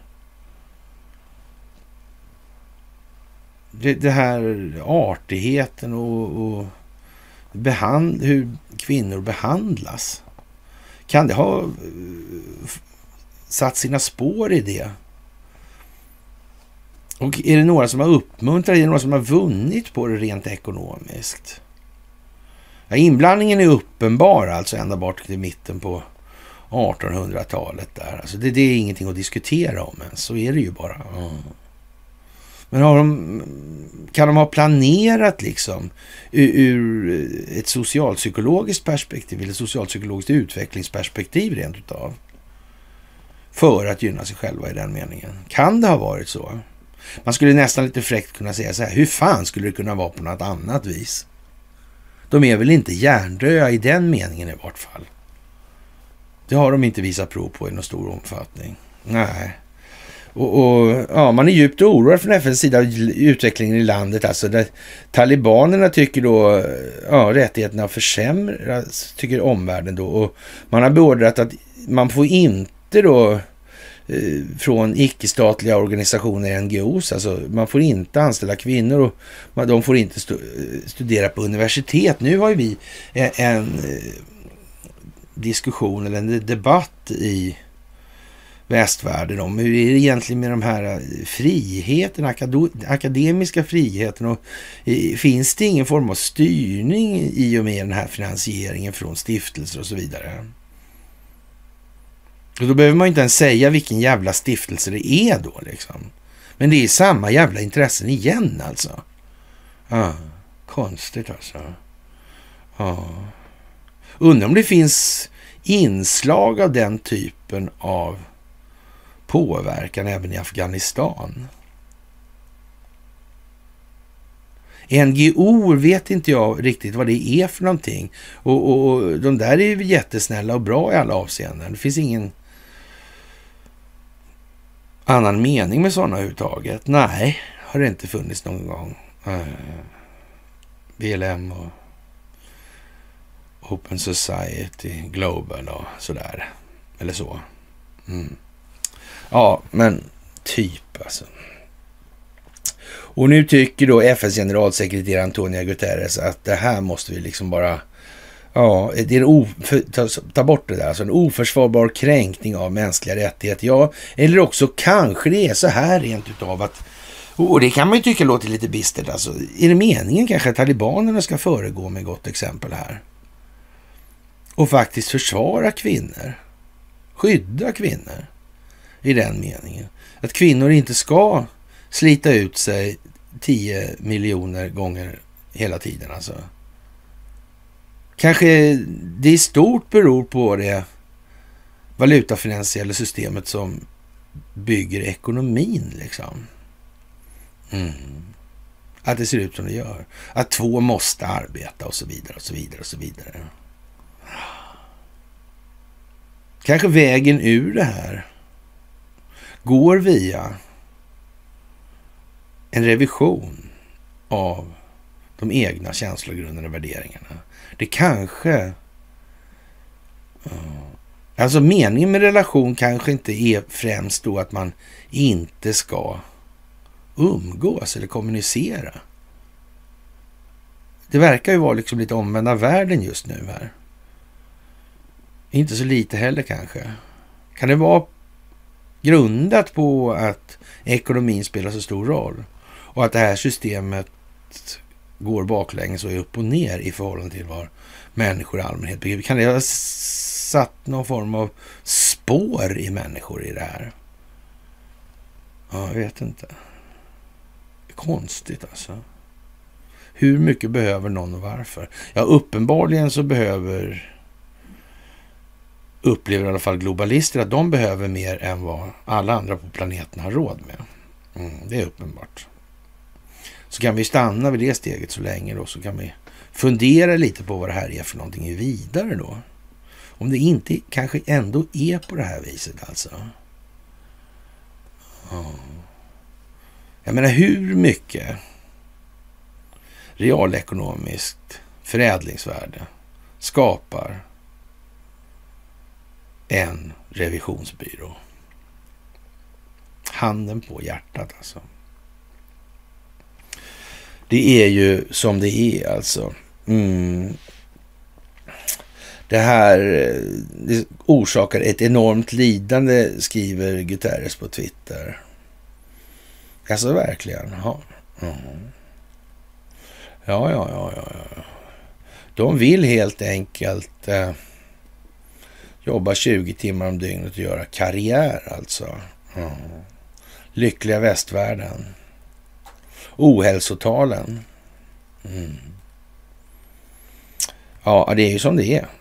Och eh, ja, det verkar ju på något vis också som Kina och Tyskland förklarar pandemin vara över då. Då överväger den amerikanska regeringen att införa nya covid-restriktioner för resenärer från Kina. I alla fall för resenärer från den kinesiska djupa staten kan man ju säga då. Kina avslutar nyligen sin drakoniska noll-covid-policy efter våldsamma protester. Enligt rapporter upplever därför Kina en ny våg av eh, covid-infektioner. De här rapporterna är ju visserligen verifierad och, och, och källan framgår inte riktigt heller. Så det, ja, USA kan införa nya covid-restriktioner för resenärer från Kina som att eh, kräva ett negativt covid-test vid ankomst alltså. Det där med ryssar som upplevde situationen lite olustig på hemmaplan. Mm, som, som tog vägen via eh, Norge då till exempel. Mm. Det är väl inte så att det finns en djup stat i Kina som om utifall att det skulle börja blåsa lite snålt i, i rent hypotetiskt alltså i Kina skulle få för sig att, att eh, ja, kanske ska bosätta sig någon annanstans. Och det skulle ju kunna vara en ganska omfattande infiltration av den djupa staten i den kinesiska statsförvaltningen. Mm. Det skulle ju kunna bli några stycken. Mm. Eh, mm. Och då kanske man ska hålla dem i fängelse, Då kan man lämna ut dem till Kina sen då i så fall. Får, får de åka tillbaka. Mm. Men det låter inte heller något som Joe Biden skulle gilla att göra. Om Joe Biden var vad han företräder på sin innehållsdeklaration. Det kan man säga. Ja. Och det där är ju, alltså, ja, personer som reser från Kina som inte har en snabb ökning av infektioner när tjänstemän lyfter på covid zero restriktionerna.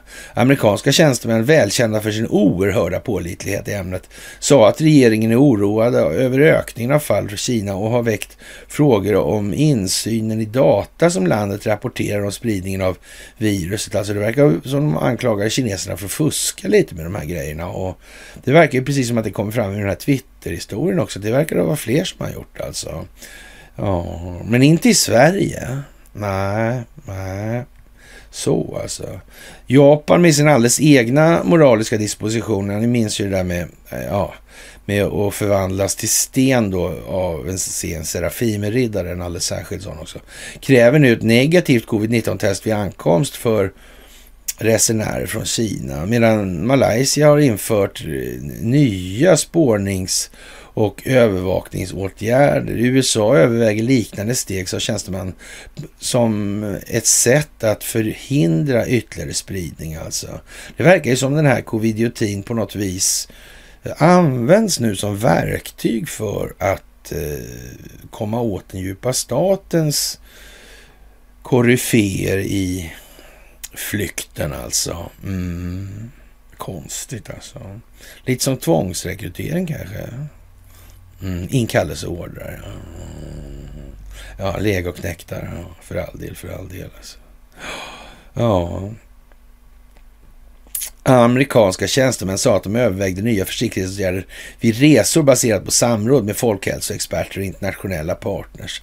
De sa att samtalen delvis hade föranletts av oro över bristen på genomisk sekvenseringsdata som kan hjälpa till att identifiera uppkomsten av en ny variant. Mm. Men var det inte det där skapat? Mm. konstigt alltså. Faktiskt alltså. Mm. Visar sig att den här HARP-historien då eh, jättekonstig alltså. Det verkar som man kan använda den till massa olika saker. Ja, undersöka asteroider och... Ja, jag vet inte. Det där med farmor och vädret alltså. En hel del märkliga effekter den där tycks kunna skapa. Undrar om det kan påverka vädret. Mm, jetströmmarna till exempel. Mm. Kanske förändra formen på jonosfären, jag vet inte. Mm, verkar konstigt alltså. Ja, Ja, det är ju märkligt alltså. Ja. Och Bygget Skanska har tecknat kontrakt om att renovera en trafikplats i Corona i Kalifornien. Mm. Är det samma Corona som han eh, svensken där, vad hette han, Edlin va? Tror jag. Um, han som upptäckte den där runt, runt solen. Mm. Ja, den där som Donald Trump har runt huvudet också förresten. Mm. Han är Rocky och reser sig på 15. Undrar vad vi är nu, på 14 och 7 kanske, eller 14 och 9 eller? Mm. I 15 ronden alltså. Mm. Undrar var vi är någonstans.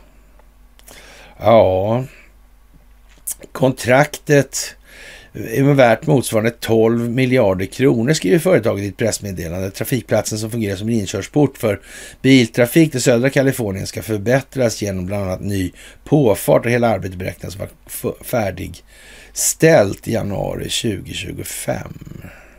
Ja, ja konstigt alltså. Heidelberg Cement och sånt där ja. Mm. Ja, det där är ju lite udda. Och det här med, med jag tog upp en gammal grej, alltså 2021 eh, från och, och, det visar sig att eh, vetenskapsmän hade eh, skapat embryon alltså med, med delvis människa och delvis apa. Utan gensax då eller? Undrar vi naturligtvis blygt då. Och det är ju lite retoriskt kanske formulerat. Mm. Och självförståelse utan förståelse för den egna fysiska kroppen, alltså det är ju vad det är. Och, och ja, det är den alltigenom dominerande kontroversen, paradoxen. Så hur ska vi komma ur någonting så imbecilt som tillstånd betraktat som det vi befinner oss i idag alltså? Ja, på temat apor och att inget är som förr, alltså gamla 34 och sådana här grejer. Och kanske allra minst i det här landet alltså. Om allt på sikt ska bli lika, vem ska då dra vilka gränser, på vilka grunder och varför i det här alltså? Och by the way då, är det verkligen så jävla lätt att leva utan sin kropp? Alltså i så fall så blir, behövs det ju ingen forskning alls i det här som beskrivs i artikeln. Alltså AP-embryon som innehåller mänskliga celler har utvecklats till ett laboratorium, utvecklats i ett laboratorium bekräftar en studie av ett globalt team av forskare. Utvecklingen väcker ny debatt om etiken i ett experiment på Chimera-embryon vars celler kommer från två olika arter. I den nya studien beskriver forskarna ledda av professor Juan Carlos Ipis, Ipsi Ispisusa Belmonte från Salkinstitutet i USA sina experiment med celler från en långsvansmakak och en människa. De avslöjar att cellerna kan överleva och till och med föröka sig när de matchas ihop. Men så skulle de fan aldrig hålla på med det här. Då kan man väl säga så här med schimpanserna. Vad det där kan vara för några schimpanser och så. Ja.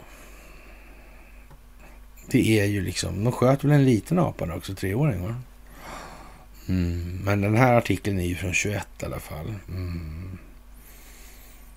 Men de hade ju hållit på en stund när de hade kommit fram till det här resultatet kan man ju lite fräckt tillägga också för säkerhets skull så ingen missuppfattar vad det är jag menar. Kontextuellt alltså. Mm.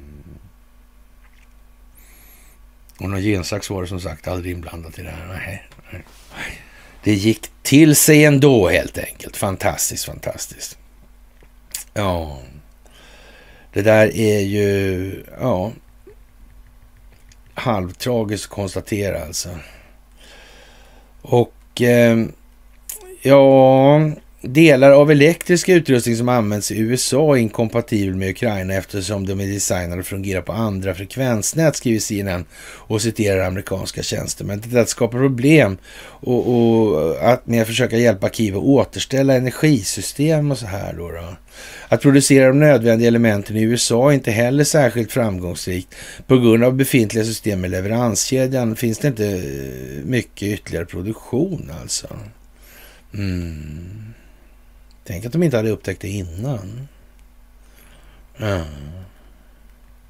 Det är ju märkligt alltså. Det är ju konstigt. Mm. Märkligt, märkligt, märkligt. Ja. Och ja, som sagt, Eriksson fick inte de någon stämningstalan mot sig där lite grann? Va? Någon sån här grupp då som... Ja. ja. Och det här med Lafarge alltså och Heidelberg Cement och ja, Skånska Cement Cementa och Gotland och sådär. Mm. Det hänger inte ihop. Någon, nej, nej. Nu visar det sig då i alla fall att eh, ja, det rullas ju upp allt samtidigt. Det är ju naturligtvis bara rena turen eller oturen för somliga då. Men ja, amerikanska militärfamiljer stämmer över Isis-betalningar alltså. Nu gäller det inte Ericsson i det här, utan nu gäller det Lafarge just alltså. Och, och en nyligen fälld dom, fällande dom heter det då, eh, mot den franska cementjätten Lafarge i amerikanska federala domstolar kräver familjer till två amerikanska flottans sjömän och en pensionerad marinsoldat som dödades i Syrien, Irak och Libyen också skadestånd från företaget. Och, och, den islamiska statens terrorister gjorde en gång anspråk på stora delar av Syrien och Irak. Alltså. Mm. Och ja, det där är ju lite speciellt. Alltså nu vill de ha pengar här för det här. Och, och ja. Och, och, USA bötfällde då Lafarge med 778 777,8 miljoner dollar i oktober alltså. Mm. Det här är lite sådär... Äh, det, stör, det första åtalet var ett för, mot ett företag för att stödja terrorism har skapat ett prejudikat som släktingar till tre amerikaner dödade av terrorister oh, säger ger dem rätt till ersättning också. Jag vet inte exakt det här med att de har finansierat Isis och att inte det svenska rättssystemet förmådde göra ett jävla skit åt det. Är någonting som ja, handlar om det svenska rättssystemet också det där? Kan det vara så alltså? Ja, det kan ju vara så. Mm. Det kan man ju faktiskt misstänka lite grann. Alltså. Och ja, det här med betalningen av affärssamarbetet med Isis gav Isis startkapital det behövde för att förvandlas. Ja, jag vet inte, det, det kanske inte gällde för Eriksson riktigt det där. Nej. Nej. Och Lafarge har redan erkänt att man, man har betalat miljontals dollar till Isis. Mm. Ja, jag vet inte liksom, vad man ska säga alltså. Det ser ju inte så där jävla lovande ut faktiskt. Mm. Det där är ju lite så alltså. Och, och pengar och cement i Lafars case där. Och jag är inte säker på att har det framkommit med telekomutrustning där? Eller de kanske fanns redan i Syrien. Ja just det, det var där. Av humanitära skäl så var då, enligt Carl Bildt alltså, så var man tvungen att Ja, för oppositionen mot Assad liksom måste kunna kommunicera. Så var det va? Men jag, jag, jag, tycker, jag minns det lite så i alla fall. Jag kanske minns fel. Ja, sådär alltså. Mm. Ja, ja, ja, ja, ja. Ja. Det där var ju lite konstigt alltså. Dokument som publicerades i september 2021 av den turkiska Andalo Agency visade att Lafarge hade arbetat med fransk underrättelsetjänst och gett dem information om IS och andra terroristgrupper. Jaha. Finns underrättelsetjänsterna inblandade i det här också? Verkar konstigt. Vad ska vi med dem till, tror jag sagt någon gång. Är det någon som kommer ihåg det? Ja, ja det har faktiskt gjort det. Ja, ja, ja, ja. Ja, det är ju lite tragikomiskt, det får man väl säga. Och eh, mångmiljardärens råd alltså i dagens PS Eh, sluta klaga alltså. Ja, vi borde vara lyckligare och sluta klaga. Eh, och vi har ju det fem gånger bättre och, och jag vet inte liksom om den här filosofiskt materialistiska själsliga utvecklingsförmågan ska föreställa briljans eller om det är någon form av lyteskomik alltså. Det vet inte jag faktiskt. Det där är ju mest tragiskt skulle jag säga. Och, och, ja, folk är mindre glada idag över sakernas tillstånd än, än, när det var mycket tuffare, säger Munger, heter han då, den här Charlie Munger. Eh, ja, i årsmötet för Daily Journal, tidningsförlaget där han är styrelseledamot. 98 år gammal, noterade att han blev myndig på 30-talet när alla fick kämpa. Alltså. Jag var mitt i den st stora depressionen när svårigheterna var otroliga. Alltså. Avund driver många alltså. Mm.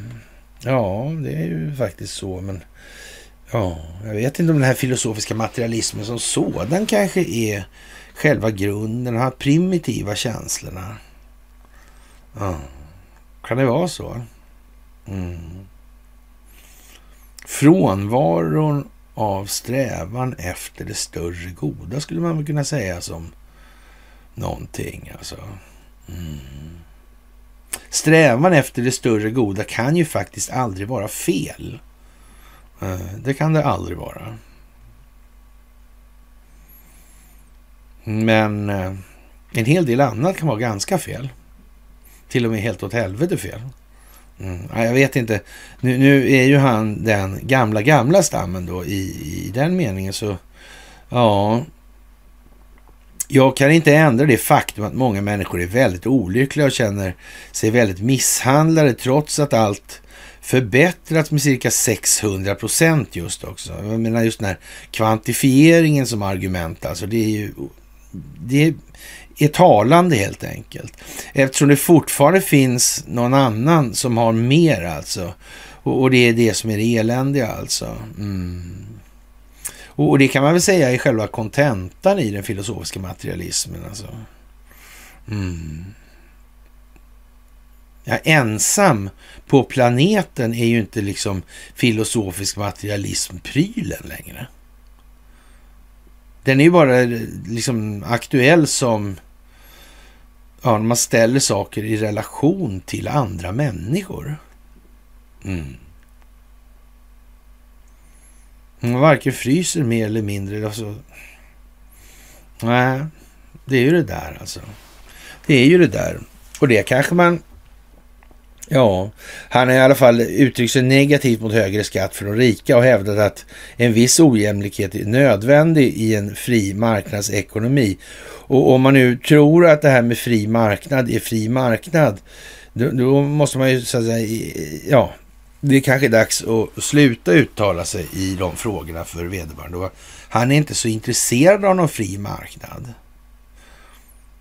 Det var ju liksom sådana som i did, en gammal krigsherre i Afrika. Han pysslade med fri marknad. Det var inga konkurrensbegränsningar där inte. Nej. Men att den här jävla sketlöken då ska... Fri marknad liksom. Hur fan kan man säga att det är, fri, när det är någon som sätter spelreglerna för marknaden? Eller vill han påstå att det är människor i allmänhet som sätter spelreglerna för den där fria marknaden? Ja, det blir ännu dummare här, så oroa er inte alltså. Det är helt otroligt alltså.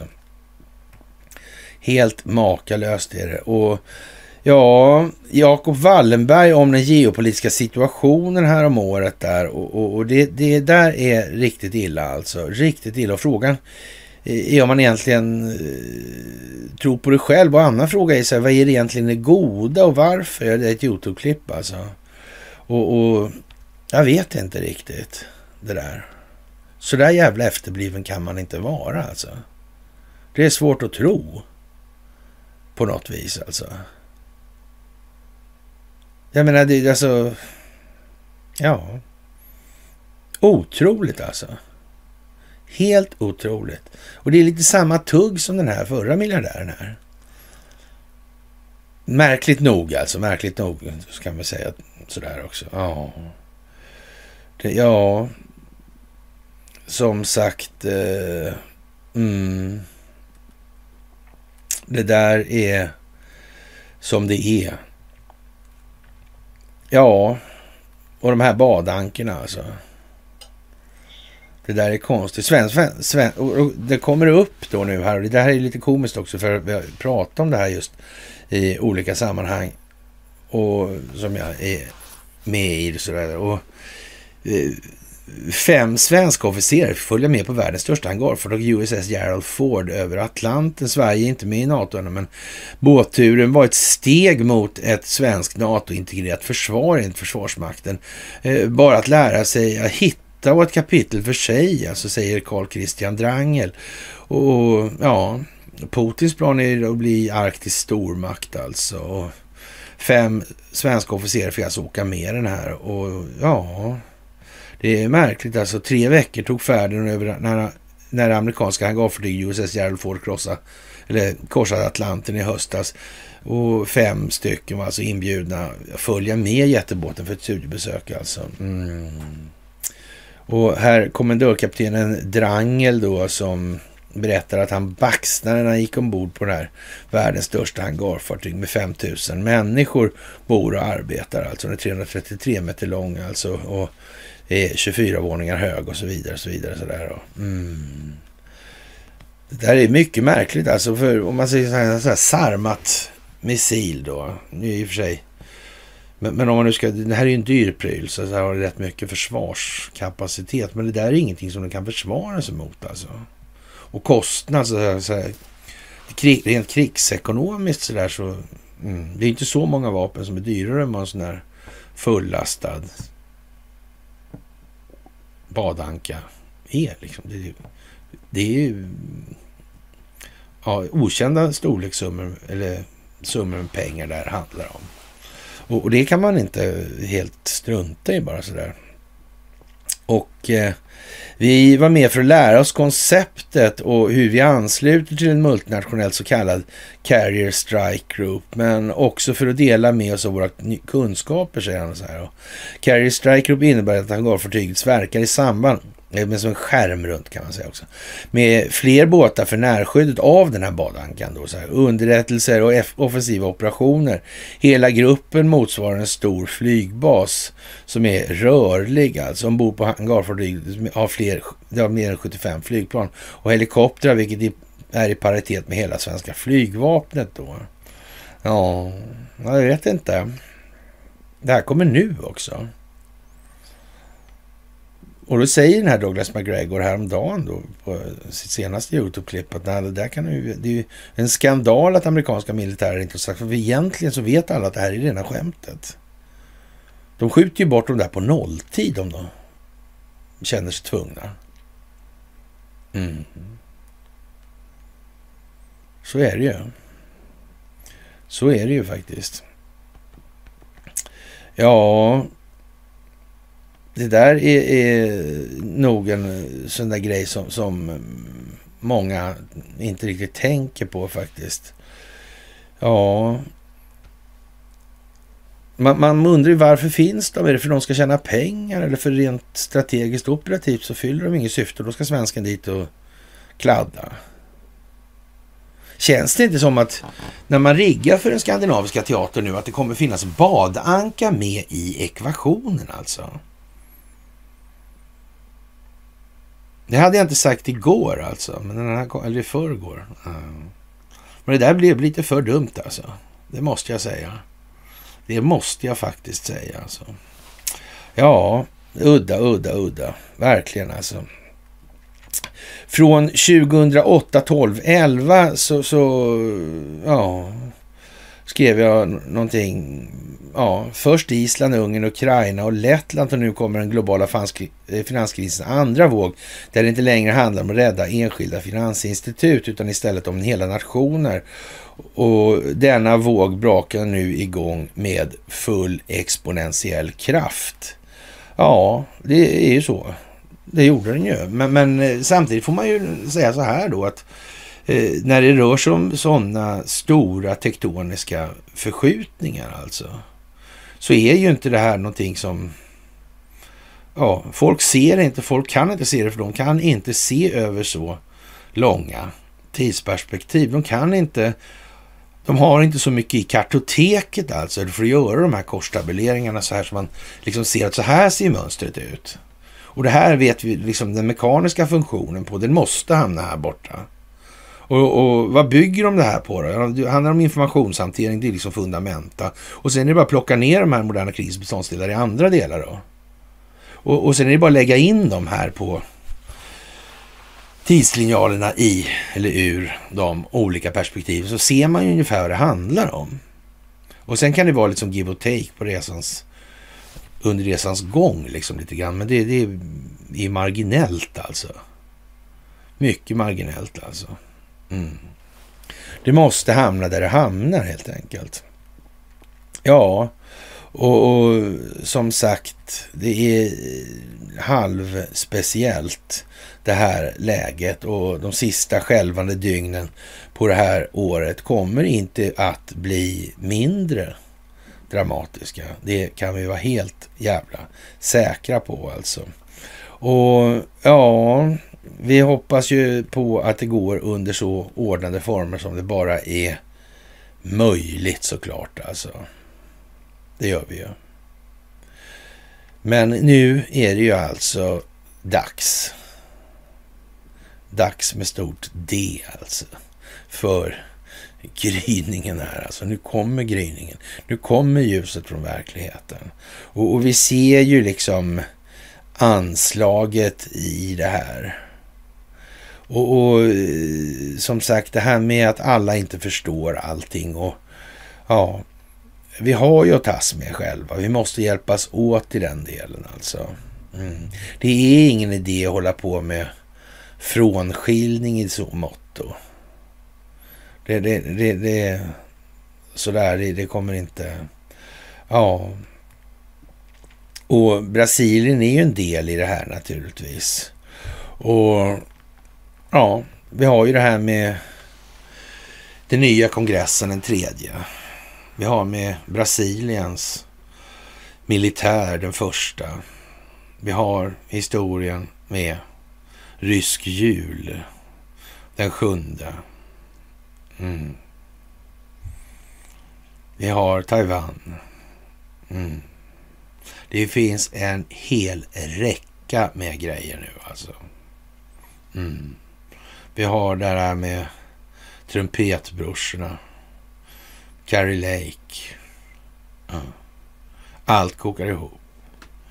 Det minsta gemensamma nämnaren, den är vad den är. Mm. Och den har med det moderna krigets största beståndsdel att göra. Informationshanteringen. Det är fantastiskt. Och kära vänner. Med det så får jag önska er en trevlig onsdagkväll så här i mellandagarna. Och så hörs vi senast på fredag. Eventuellt så ska jag klä upp mig även på lördag. Ryktena säger det, men vi får väl se. Kanske. Mm. Ja, ja, men eh, hur som helst, en eh, trevlig kväll så hörs vi alltså senast på fredag. Trevlig kväll. Det som göms i snö kommer upp i tö. Liten fågel hittar gammal röd Allting lever upp, vill aldrig dö. Det som göms i snö kommer upp i tö.